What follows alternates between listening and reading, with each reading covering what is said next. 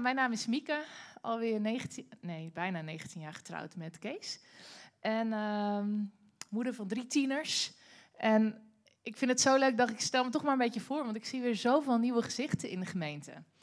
Ehm, mensen die mij kennen, die weten dit, maar als je me dus nog niet kent, weet je dit niet. Ik vind het ontzettend leuk om te spreken over het, over het onderwerp seks, relaties, liefde en alles wat hierbij hoort. Dus toen Marlies een beetje begon met, nou, ik heb toch mijn hart hierover te spreken en misschien moeten we er wel een mini-thema van maken, dacht ik, nou, ik sta de weken na op het rooster. Amen, sister, let's do this. Dus uh, Marlies heeft vorige week de spits afge, nou, afgebeten, heet dat. En um, zij begon te praten over de strijd om heiligheid en het belang van het maken van gezonde seksuele keuzes. Marlies haalde Romeinen 8, vers 28 erbij. En ik dacht, ik ga ze toch eventjes een paar dingen noemen die Marlies zei. En ik dacht, hé, hey, dat is een hele mooie start. En een anker om ook in mijn boodschap vast te houden. Namelijk één, dat God alles ten goede zal keren. En Romeinen 8, vers 1, dat er geen veroordeling is voor ieder die in Jezus is. En ze begon te spreken vanuit het eerste profetische woord uit de Bijbel, Genesis 3. En die wil ik ook nog even herhalen, vers 14 en 15. En daar stond: Toen zei de Heere God tegen de slang: Omdat jij dit hebt gedaan, ben je voortaan zwaar vervloekt. Je hele leven zul je op je buik kruipen en stof eten. En jij en je vrouw zullen elkaars vijanden zijn. En jouw kinderen en haar kinderen zullen elkaars vijanden staan. En dan staat er: Haar zaad, haar nageslacht zal jouw kop verpletteren. En jij zal de hiel van haar kind verpletteren. En sinds dit moment ging Satan eigenlijk achter het nageslacht van de vrouw aan. En dat zie je op allerlei manieren terug. En Marlies heeft daar vorige week echt wel een hele aantal pittige dingen en diepe dingen over gedeeld. In Genesis 1 begint het al dat, dat de boodschap voor de mens is: hey, uh, wees vruchtbaar en vul heel de aarde.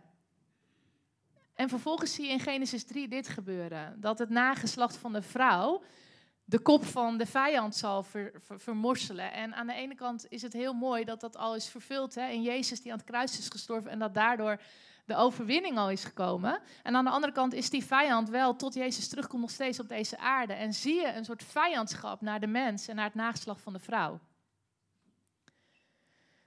En daarna eindigt ze met een nou, niet ze eindigt ermee, maar een beetje aan het einde komt er een hele mooie tekst. En dat is voor mij de basistekst van deze boodschap.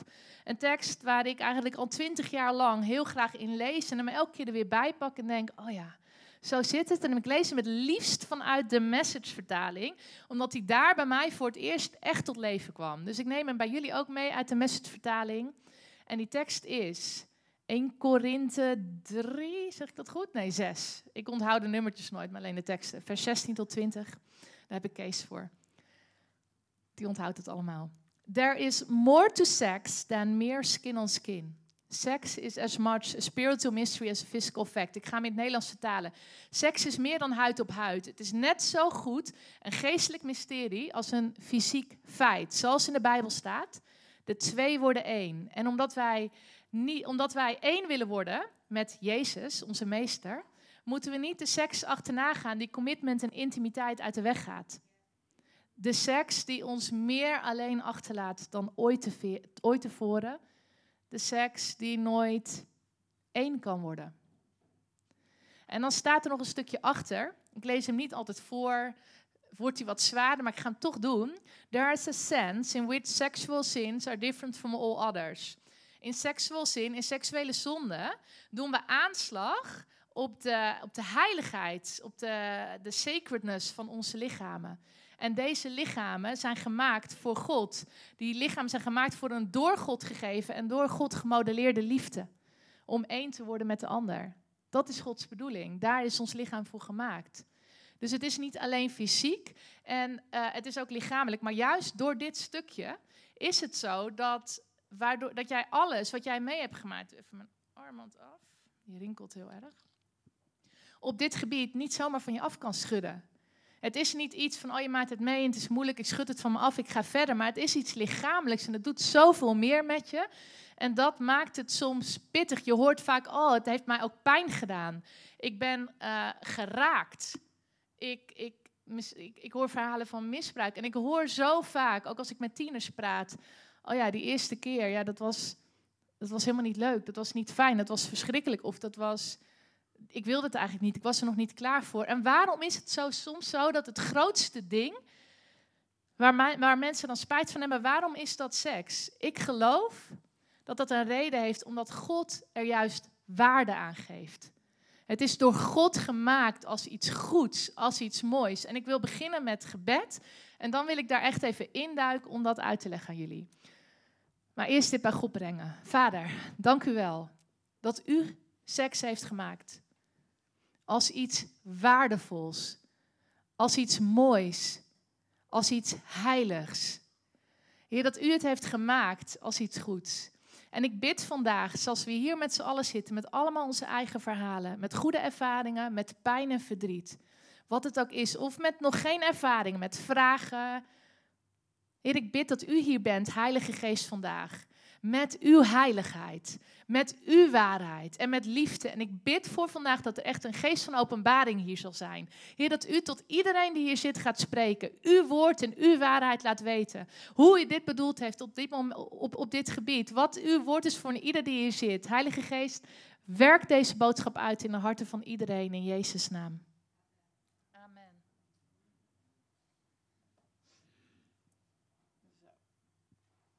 Nooit armbanden omdoen als je gaat spreken, Mieke. Note to myself. hey, ik begon. God heeft seks gemaakt als iets goeds. Ik wil jullie eigenlijk vier punten gaan vertellen die voor mij vier waarheden zijn. Die ik echt vier feiten om die uit te diepen. Omdat het zo mooi is om gewoon te weten, hey, hoe is dit dan echt? En um, ik spreek hier ook met mensen over die helemaal niks met de Bijbel en God hebben. Nou, dan denk ik dat het wel belangrijk is dat je dat ook kan uitleggen. Gewoon feitelijk. En hoe zit dit dan? En niet alleen maar zeggen, ja, in Genesis staat er dit, maar hey, hoe werkt dit? Dus dat wil ik met jullie doen. En het eerste punt die ik maak is, God heeft het dus gemaakt als iets goed. Goed. En ik vind dat heel belangrijk, want ik zie heel vaak in de kerk een hele negatieve lading op dit onderwerp liggen. We praten er niet over. Het is taboe. Um, Oh ja, één ding. Je mag geen seks hebben voor het huwelijk. Dat is het enige wat verteld wordt. Er zit het woordje geen in.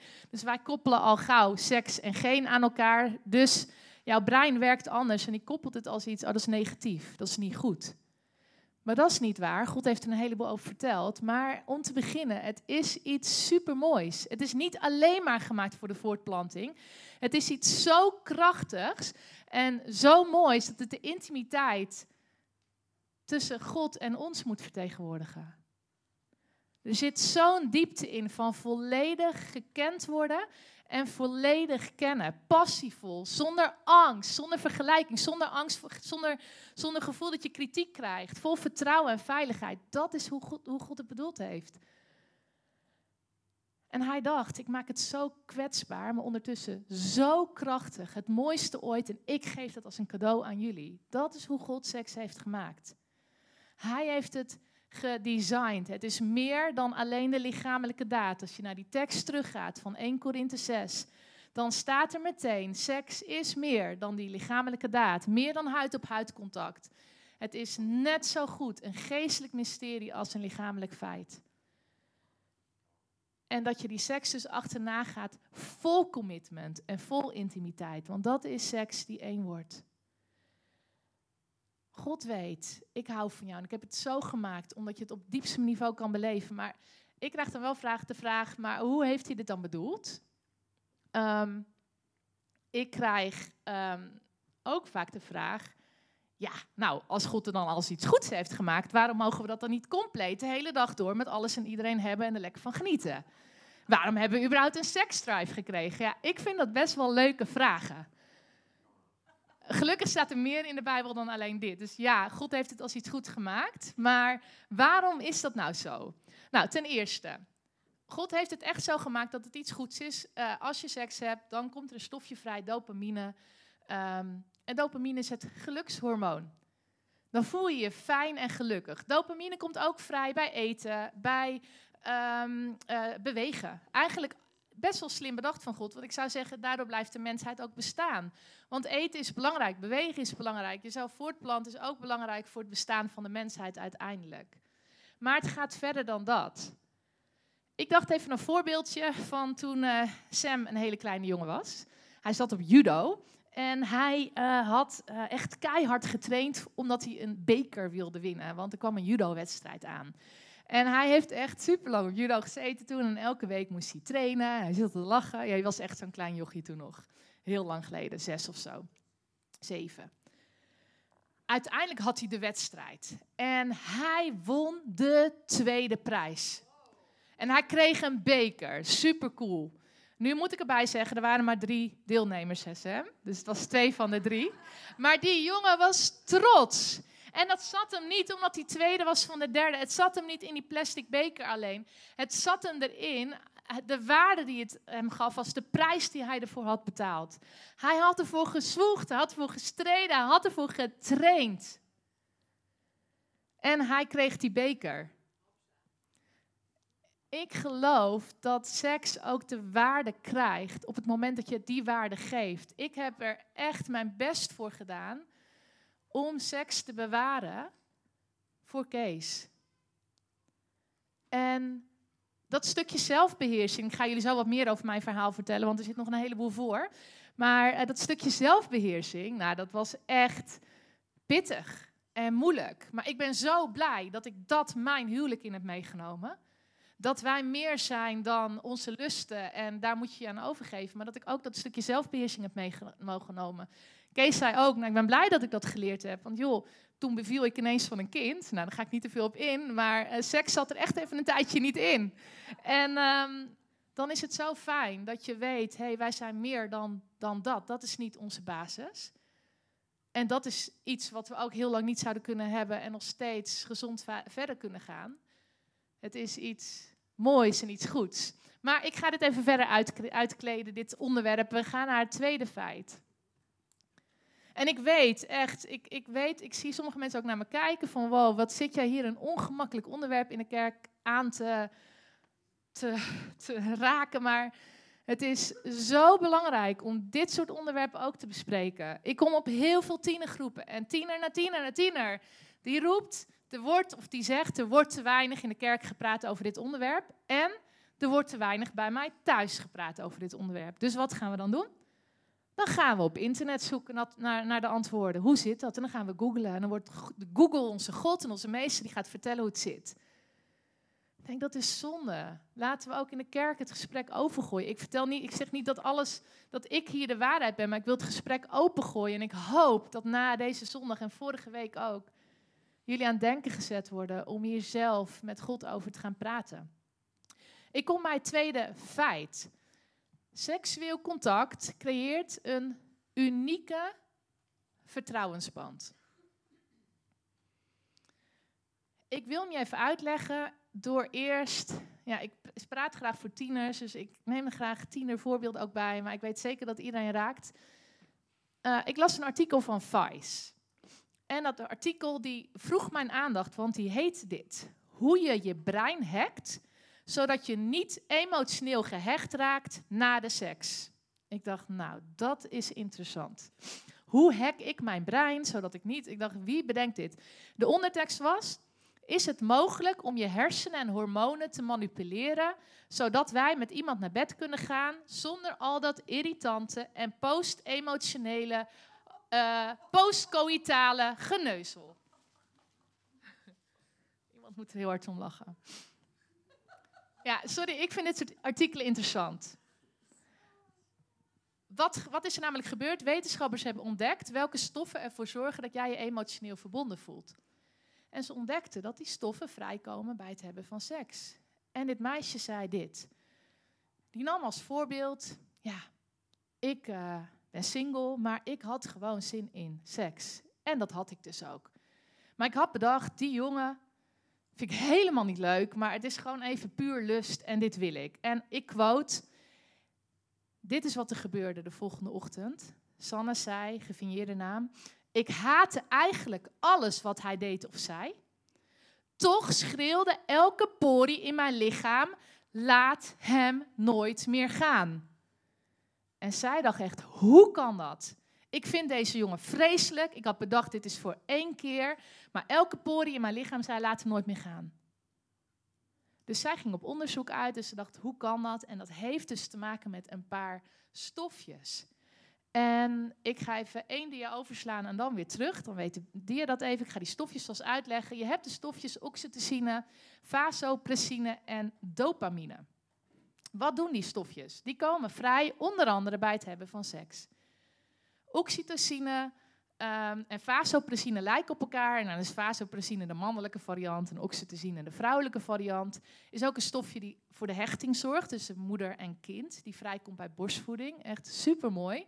Maar die komt dus ook vrij bij seks. En wat het doet is dat het zorgt dat je het fijn vindt, dat je meer wil. Maar het zorgt ook voor verbinding en een emotionele band. Niet alleen tussen moeder en kind, maar dus ook als je een seksuele relatie hebt met iemand, dan zorgt het voor verbinding en een emotionele band. En dat je een stuk vertrouwen krijgt in die persoon. Dat is wat dat stofje tegen je zegt. Natuurlijk kun je dat stofje negeren, daar ga ik straks op in. Maar dat is wel wat het stofje uitzendt in de basis. Vertrouwen, emotionele band en verbinding. En er komt dus heel veel vrij bij het hebben van seks. Dus wat dacht dat, dat meisje Sanne? Kan ik dat stofje uitzetten? Dat is dus het artikel. Kan ik mijn brein hacken? Om te zorgen dat dit niet meer gebeurt, want dit is vet onhandig. Haar conclusie was uiteindelijk na het lezen van een lang artikel dit. Ja, eigenlijk is het bijna onmogelijk. Dat stofje werkt en dat is super balen, dus het kan niet. Maar er is nog een oplossing. Als jij dan toch bang bent dat je aan iemand gehecht raakt, dan kun je het altijd doen met je ogen dicht, terwijl je aan de druk zit en aan iemand anders denkt. Dat was dan de beste oplossing om dat stofje een klein beetje onder controle te houden. Oké, mensen, dit gaan we dus niet doen. Dat, en ik denk dat een ieder hier in de zaal weet dat dit dus niet iets normaals is. Maar dit was dus de uitkomst van het artikel. En uiteindelijk zei ze van, joh, dit is niet mogelijk. Het is niet mogelijk het stofje uit te zetten. Want wat gebeurt er bij seks? En ik weet dat we een klein stukje gaan uitlopen, want ik begon echt pas kwart voor twaalf voor de mensen die nu op een horloge kijken. Uh, en ik heb echt nog wat dingen te vertellen. Um, wat gebeurt er dus bij seks? Seks voelt goed, je wilt meer. Er komt verbinding en vertrouwen en, en een emotionele band dat zorgt er weer voor dat je bij elkaar wil blijven. Dus eigenlijk is het heel mooi bedacht van God. Doordat ik met mijn man, mijn 19-jarige huwelijkspartner, een seksuele relatie heb, die stofjes die vrijkomen keer op keer op keer, zorgen voor verbinding, voor vertrouwen, voor die band die versterkt en verdiept. Dit is ook een reden waarom ik ook heel graag in huwelijksseminars praat over dit onderwerp. En zeg, lieve mensen, als je met elkaar getrouwd bent, het is niet alleen maar voor voortplanting, maar het zorgt voor die band. Het zorgt voor, voor vertrouwen en het zorgt voor iets waardoor je bij elkaar blijft. En zo heeft God het gemaakt. Waarom? Zodat ook de kinderen die eventueel komen, opgroeien in een veilige plek waar twee ouders heel graag bij elkaar willen blijven. En ik weet, we leven in een wereld die kapot is en waar het niet allemaal gaat zoals God bedoeld heeft, helaas. Maar we kunnen wel terug met kijken, hey, hoe heeft God het dan gemaakt? En daarom vind ik dit zo mooi. Even terug naar design. God heeft seks gemaakt. Hij heeft het zo gemaakt dat mensen het ook nog leuk vinden en er plezier aan beleven. Hij heeft het zo gemaakt dat seks zorgt voor verbinding, vertrouwen, emotionele band.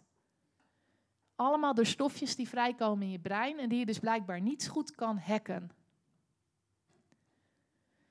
Toen ik dit begreep, begreep ik ineens veel beter hoe God bedacht had. En dan kom ik bij mijn verhaal. En feitje nummer drie. Los omgaan met seksueel contact kan de mogelijkheid om je te binden in een serieuze relatie kapot maken. Um, ik heb daar wat artikelen over gelezen. Uh, een heel interessant boek. Heel interessant boek is Hoekt, verstrikt in het Nederlands. Um, boek vol met uitslagen van wetenschappelijke artikelen over dit onderwerp. is wel interessant. Maar ik ga jullie eigenlijk dit aan de hand van mijn verhaal vertellen. Ik ben uh, opgegroeid uh, in een kerk, helemaal christelijk. En ik had één ding geleerd. Je hebt geen seks voor het huwelijk. En dans niet te dicht tegen jongens aan. Dat was mijn seksuele opvoeding. Mama, uh, oké, dat is goed. Ze durfde er eigenlijk niet zo goed over te praten, dus dat was ook echt het enige wat ik hoorde. Wat zorgde dat ik zelf op onderzoek uitging, het ging proberen te ontdekken en ik snapte er niks van.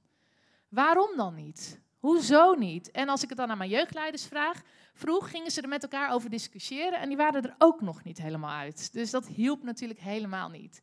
Dus ik dacht, ja, ik snap het niet. En ik kreeg een vriendje En ik ga het verhaal in een korte tijd vertellen waar het op neerkwam. Ik kreeg een vriendje, hij was christelijk, uh, ik christelijk. Wij dachten, nou, we doen gewoon geen seks. Op een gegeven moment heb je wat langer een relatie. Het begon op 16 jaar.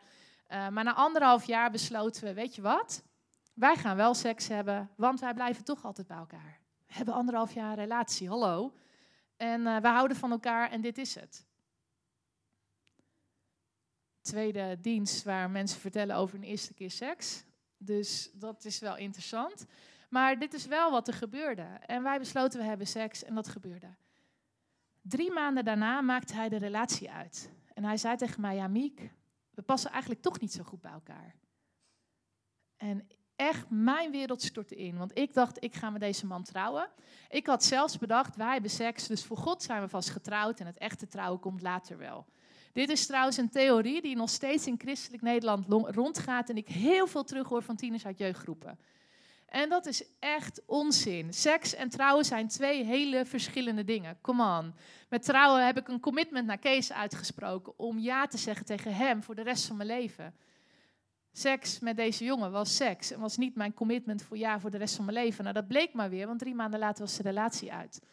Bij mij resulteerde dat in dat ik het studentenleven inging en dacht, ja, ik heb het nu toch allemaal verknald. God vindt me niet meer leuk. Ik ging niet meer bidden, ik ging niet meer naar de kerk. En ik dacht, ik ga gewoon heel veel lol hebben. En elke jongen die ik tegenkom en leuk vond, die zoende ik. En ik stapte echt heel vaak, dus vier, vijf keer per week. En elke avond zag ik wel weer een andere leuke jongen die ik die avond als projectje had. En die zoende ik. Als je dan kijkt naar wat er met die stofjes gebeurt, is het als volgt. Ik zoen iemand, er komen stofjes vrij en die zorgen voor verbinding, vertrouwen en een band. Ja, met mijn ratio zei ik natuurlijk, ja lekker dan, verbinding, vertrouwen en band. Dit wil ik niet, want dit is gewoon voor een avondje. En wat ik elke keer deed was, ik voelde wel wat gebeuren, maar dat negeerde ik en ik ging gewoon naar de volgende jongen. En er kwamen weer allemaal stofjes vrij, dat negeerde ik en ik ging naar de volgende jongen. En wat wetenschap heeft uitgezocht is, wat er op een gegeven moment gebeurt, is dat de signalen van die stofjes, die, die ga jij niet meer serieus nemen je bent langs, het is, het is bijna als een plakband die je elke keer plakt en die wordt natuurlijk steeds een beetje minder sterk. Dus het wordt minder sterk. Ik denk als ik op dat moment Kees was tegengekomen, ergens in een leuke discotheek, dan had ik hem gezoend, gedag gezegd en was ik de dag erna weer naar de volgende jongen gegaan. Want dat was wat ik had geleerd. Dat is hoe je ermee omgaat. Elke seksuele relatie die je hebt, nou zoenen was of seks, heeft effect op je. Of je dat nu wil of niet. Onbewuste beschadiging die treedt altijd op. Je kan denken, dat gebeurt mij niet. Ik bescherm mezelf heel goed. Nou ja, je hoort het verhaal van, van Marlies vorige week en wat dat gedaan heeft in haar leven. Nou, ook bij mij gebeurde er heel veel. Maar wat heel mooi is, dat God ook heel veel hersteld heeft. Op een gegeven moment ontmoette ik God op een avond en Kees op dezelfde avond tegelijk. Dat was een goede avond. En uh, die avond zat ik op mijn knieën en ik voelde de tegenwoordigheid van God. En ik zei: God, vergeef me. Ik wil met u leven. U bent wel echt en waar. En het enige wat God die avond tegen me zei, keer op keer op keer op keer, was: Mieke, zoen geen enkele jongen meer behalve de man met wie jij gaat trouwen. Nou, serieus? Ik, ik geloofde het niet, maar ik hoorde het keer op keer op keer. En ik dacht echt, oké, ja, uh, dit moet God wel zijn, want dit is het laatste wat ik geloof en wat ik zou bedenken. Dus ik ging naar mijn beste vriendin en ik zei, Anne, we gaan weer stappen, maar ik zoen geen jongens meer, want ik heb God ontmoet en die zei dat ik dat niet moest doen. Dus doe ik dat niet meer. Zo ben ik dan ook wel, dan ga ik er helemaal voor. Ik ging helemaal voor God in die tijd. Ik sloot me één dag per week op in een kelder onder iemands huis. want in mijn studentenkamer had ik geen vrijheid en uh, privacy. En die hele dag ging ik dan vasten, bidden, Bijbel lezen, preken luisteren en God zoeken en zeggen: hoe zit dit? Wilt u het me uitleggen? En ik heb dat bijna, nou, ik heb dat ja, wel een jaar lang gedaan. Maar in die periode was ik alleen maar God aan het zoeken en God aan het spreken, juist ook over dit onderwerp. En hij begon mij hier dingen over uit te leggen. Ik leerde over de stofjes ik begon de Bijbel ineens te begrijpen. En ik kreeg echt van God openbaring na openbaring. En ik wist, ja, maar dit is niet zomaar dat ik niet meer elke jongen mag zoenen. Ik ga echt alleen voor die man die God voor me heeft. En dat is de enige aan wie ik mijn zoen nog ga geven. En in ieder geval, dat is de enige met wie ik nog seks wil hebben in mijn leven. Nou, dat is helemaal goed gekomen. Ik ontmoette Kees. Hij had een afspraak met God ehm, om een jaar geen vriendin te hebben. Dat vond ik erg vervelend, uh, want dat hoorde ik via via. Ik vertelde, ik ben verliefd op Kees. Oh ja, vergeet hem maar, dat is een Paulus. Die is heel heilig en die doet niet aan vrouwen. Dat is wat ik hoorde in tienertaal. En ik dacht echt, maar ik ben verliefd. En volgens mij is hij het. Ik had zelfs aan mijn vader verteld, ik heb mijn man ontmoet. Kees, ik ga met hem trouwen. Weet hij dat ook? Nee. Daar komt hij achter. We gingen een hele goede vriendschap aan. Wij belden elkaar elke dag twee uur. We praten niet over elkaar leuk vinden, maar gewoon het leven met elkaar delen. De Bijbel lezen. We hadden hele theologische discussies. En, en ik bleef God zoeken over dit onderwerp. Dus ook daar praten wij zelfs over. Hij vond mij een beetje raar dat ik zei dat ik uh, geen jongens meer ging zoenen, behalve de man met wie ik ging trouwen. Terwijl ik dacht dat hij zo heilig was. Uiteindelijk kreeg ik ook nog, want ik wilde het gaan vertellen dat ik hem leuk vond. En toen dacht ik, nou God, mag ik het gaan zeggen? Dat ik hem leuk vind, want ik kan niet meer wachten. En toen kunt u het mij vannacht vertellen in een droom. Ik ging slapen en ik werd wakker. En in die droom hoorde ik, Mieke, het komt allemaal goed, maar we moeten wachten tot mei. Dat zei Kees tegen mij terwijl hij op een bankje zat. Ik heb dus gewacht tot mei, uh, nog een paar maanden niks gezegd. En in mei, 1 mei, zat ik met hem in de auto, gooide ik mijn hart naar hem open, zei Kees, jij bent volgens mij mijn man. Ik wil geen vriendje, maar alleen een man. Maar ik had een droom en ik moest wachten tot mei. la. Hij begon keihard te lachen. Hij zei, ha, ha, ha, het is vandaag bevrijdingsdag. Ik zeg, nee hoor, 5 mei pas. Hij zei, ja hoor, mijn moeder, Ans die daar zit, die zei vanochtend tegen mij, Kees, vandaag is het bevrijdingsdag. Dat waren jouw woorden. En uh, ja, echt, je weet het wel niet meer, maar dat heb je hem tegen hem verteld. En uh, hij had een jaar daarvoor een afspraak met God gemaakt om geen vriendin te hebben, om dat jaar apart te zetten voor God. En 1 mei was de eerste dag dat hij daar vrij van was. En dat was de dag waarop ik dit bommetje liet barsten. Terwijl hij zei, ik wilde langzaam deze week inleiden dat ik jou leuk vond. En ik wil geen vriendin, maar alleen de vrouw die God voor me heeft. Een dag later waren wij uh, verloofd. Hij vroeg aan mij, Miek, wil met mij diep induiken voor de rest van je leven? En na onze verloving gaven wij onze eerste zoen. Die zal ik nooit meer vergeten. Alleen al die armen om me heen was heftiger dan welke seksuele ervaring ik in mijn leven had meegemaakt. God had alles hersteld. Ik zag mijzelf 100% als maagd. God liet mij zien, jij bent maagd, dit is hoe ik jou zie. En ik startte volledig opnieuw. Dus die arm om mij heen was meer dan wat ik ooit had meegemaakt. Want ik begon weer opnieuw. En dit zal ik nooit meer vergeten. Ik ga nog vijf minuutjes nemen van jullie tijd om mijn laatste punt hierover te vertellen, omdat die echt heel belangrijk is. En dat is een onderwerp die op dit moment leeft in de maatschappij en een hoop kapot maakt. Feit nummer vier. Porno kijken leidt in heel veel gevallen tot minder seks, minder bevredigende seks en voor heel veel pornokijkers zelfs tot helemaal geen seks. Dit is een onderzoek uit 2010, maar er zijn veel meer onderzoeken naar gedaan. Wat gebeurt er op het moment dat je porno kijkt? Er komt heel veel dopamine vrij. De hoeveelheid dopamine die vrijkomt is vergelijkbaar bij de hoeveelheid, bijna even hoog als de hoeveelheid die vrijkomt als je cocaïne gebruikt. Cocaïne is een verboden harddruk en is zo verslavingsgevoelig. Komt door die dopamine. Dopamine is het verslavingsgevoelige stofje. En wat gebeurt er op het moment dat je naar die beelden van seks kijkt? Dan gaat dus jouw brein ook van alles doen. Daar is hij niet voor gemaakt. De hoeveelheid seks die je dan in 10 minuten ziet, is meer dan onze voorouders in hun hele leven bij elkaar zagen. Dat is bizar. Jouw brein die trekt dat niet. Bam, zo'n hoge hoeveelheid dopamine. Dus wat doet je brein? Die maakt zich minder gevoelig voor het stofje dopamine. Die kan dat niet aan. Dat heet eigenlijk dat je tolerantie voor uh, de werking van de dopamine neemt niet af, maar je tolerantie wordt hoger, waardoor je er minder gevoelig voor bent.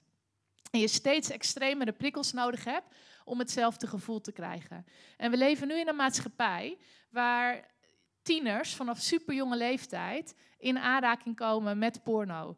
En geen idee hebben wat de verschrikkelijk schadelijke effecten zijn die het hebben. Wat gebeurt er? Je, wordt dus, je krijgt een hele hoge dopamine-tolerantie. Dus je bent niet meer gevoelig voor het sporten, het eten en de normale dingen waar dopamine bij vrijkomt. En je hebt steeds heftigere beelden nodig voordat jij uh, hetzelfde fijne effect krijgt van de eerste keer. En ik ga jullie kort daar de cijfers van vertellen, want die zijn echt goed om te weten. Gemiddelde leeftijd eerste keer porno kijken, 11 jaar. Wisten jullie dat? 11 jaar. Dat zijn, dat zijn geen Amerikaanse cijfers, gewoon Nederlandse cijfers. 10% van de 12- en 13-jarigen die noemt zichzelf verslaafd naar het kijken van porno.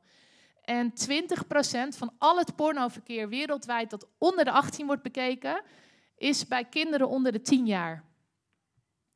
Er is in Frankrijk afgelopen jaar een grootschalig onderzoek door de overheid gedaan vanwege de hoeveelheid geweld ehm, in porno, minderjarigen en verkrachting, wat daarin voorkwam. Dat ze zeiden, er gaan zelfs bij de overheid, dus niet in de kerk, alarmbellen rinkelen.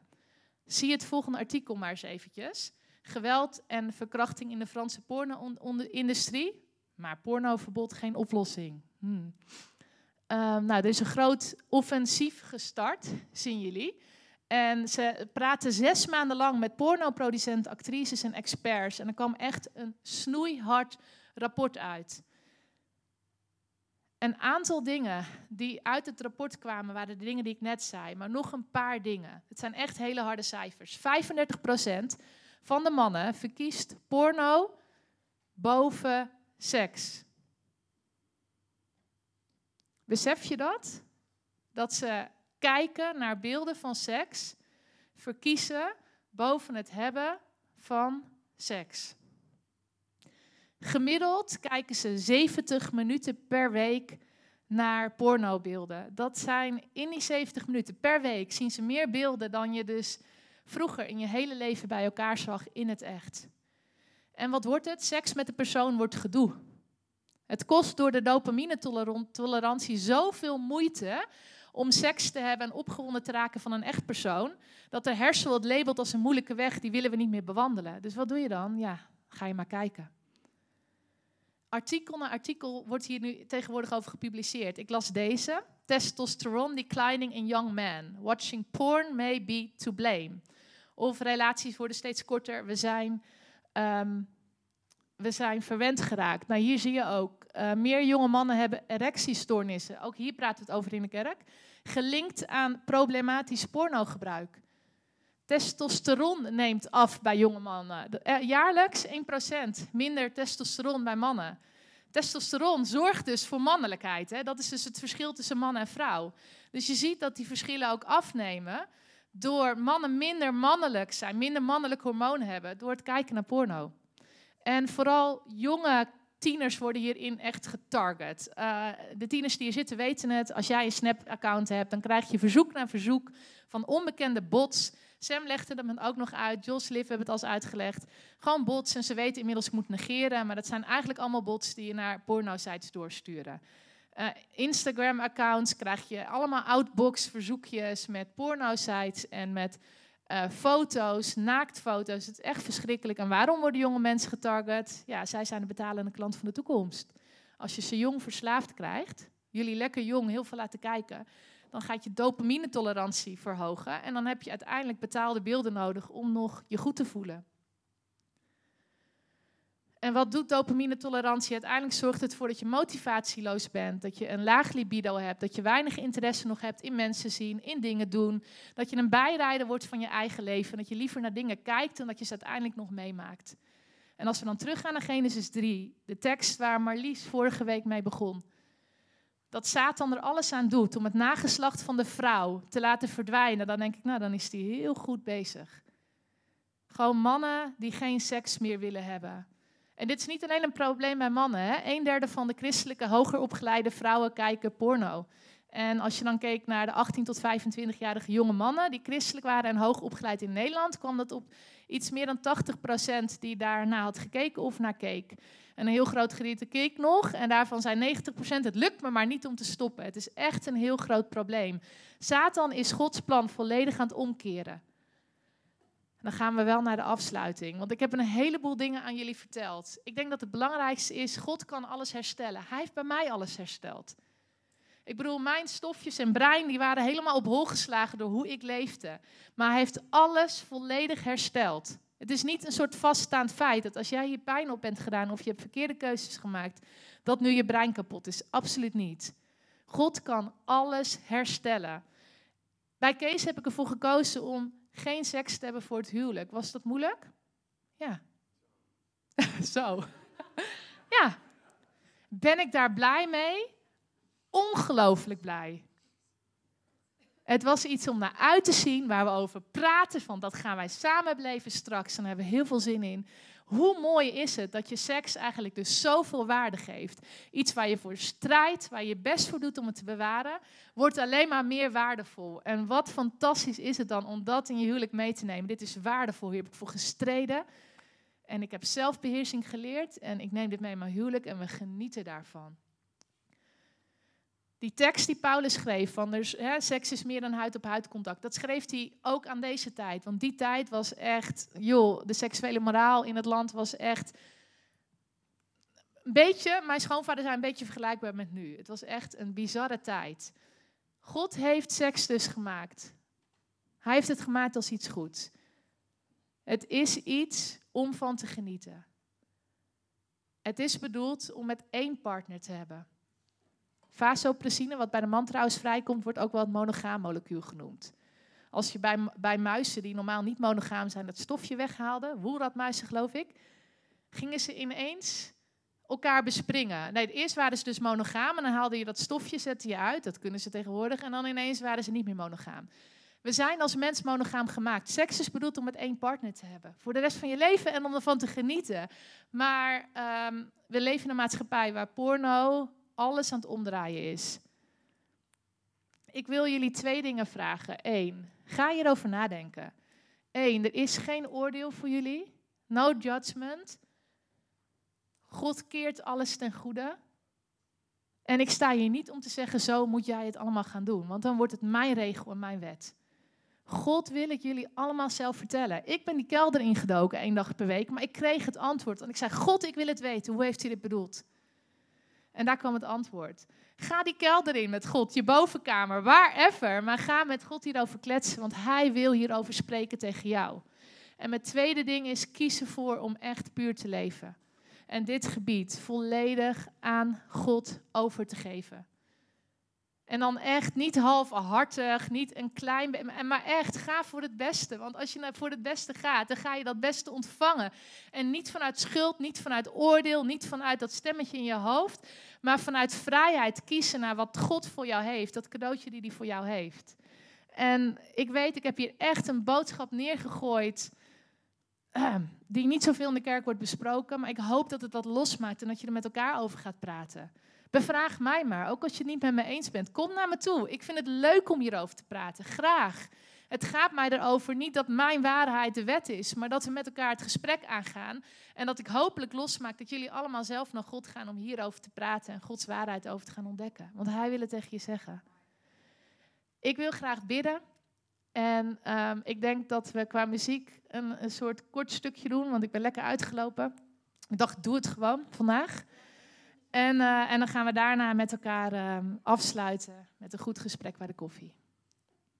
Basje mag lekker komen. Oké, Heer, uh, dank u wel. Dank u wel dat u hier bent. Heer, dank u wel dat er in u geen oordeel is. Heer, dank u wel, Heer, dat uh, uw liefde hier aanwezig is. En ik bid eerst boven alles, wilt u met uw liefde iedereen aanraken hier? Wilt u komen op plekken van pijn en verdriet die ik misschien naar boven heb gehaald? Heer, en op dit moment direct komen met genezing en liefde. Heer, wilt u um, elk persoon in deze ruimte aanraken? En Heer, wilt u gaan spreken? Heer, wilt u aan iedereen zelf laten zien, wat is Gods plan voor jou en voor jou en voor jou? Heer, ik kom met uw geest van openbaring en van waarheid. Heer, en ik bid dat wij een mystery een kerk mogen zijn waarin we spreken over onderwerpen die ertoe doen. Heer, en dat ook onderwerpen als dit, Heer, uh, ja, Heer, dat we die niet uit de weg gaan, maar dat, dat, heer, maar dat wij daar echt U voor zoeken. En Uw waarheid in zoeken en gaan vinden en gaan krijgen en mogen gaan verspreiden in onze plekken waar we zijn. En ik wil een vraag stellen aan jullie en mag je ogen allemaal even gesloten houden. Misschien zit je hier en denk je echt, uh, ik, ik weet niet wat je denkt, want ik weet gewoon dat iedereen zijn eigen verhaal heeft. Ik ken mijn pijnlijke verhaal en een goede afloop. En dat is lekker makkelijk, hè, vanuit een goede afloop praten. Misschien zit je helemaal niet in een goede afloop. Ik hoop echt ten eerste dat je gewoon God mag zoeken als, zijn, als vader en weet, hij houdt superveel van me. Op welke manier hier ook zit, hij houdt van jou precies zoals je nu bent. Je hoeft niets te veranderen om die liefde van God voor jou te laten toenemen. Weet dat.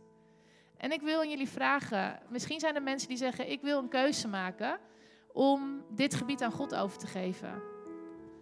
Om volledig te gaan voor die heiligheid, voor Gods plan, voor puurheid in mijn leven. Ik weet nog niet hoe ik het ga doen, hoe dat zit, maar ik wil dit wel aan God overgeven en Hem erin gaan zoeken. En daar wil ik een soort punt voor maken. Als jij dat bent, soms helpt het gewoon echt even dat te doen. En steek dan je hand op. Niet voor mij, iedereen houdt zijn ogen gesloten, maar van hé, hey, ik zie allemaal handen omhoog gaan al. Van hé, hey, dit gebied wil ik aan God overgeven. En ik wil eigenlijk een reset maken. Een breinreset, een, een levensreset. Heel mooi. Zoveel jonge mensen ook. Ik word heel blij van. Gewoon mensen die hier keuzes van maken. Ik wil dit gebied aan God overgeven. En zijn openbaring erover krijgen. En ik bid het voor iedereen, maar speciaal ook voor de mensen die hier een hand voor hebben opgestoken. Echt, God ziet jouw honger en de keuze die je maakt. En ik bid voor een diepe openbaring van God voor jullie. En ik bid dat God echt gaat spreken tot jouw hart in Jezus' naam. Amen.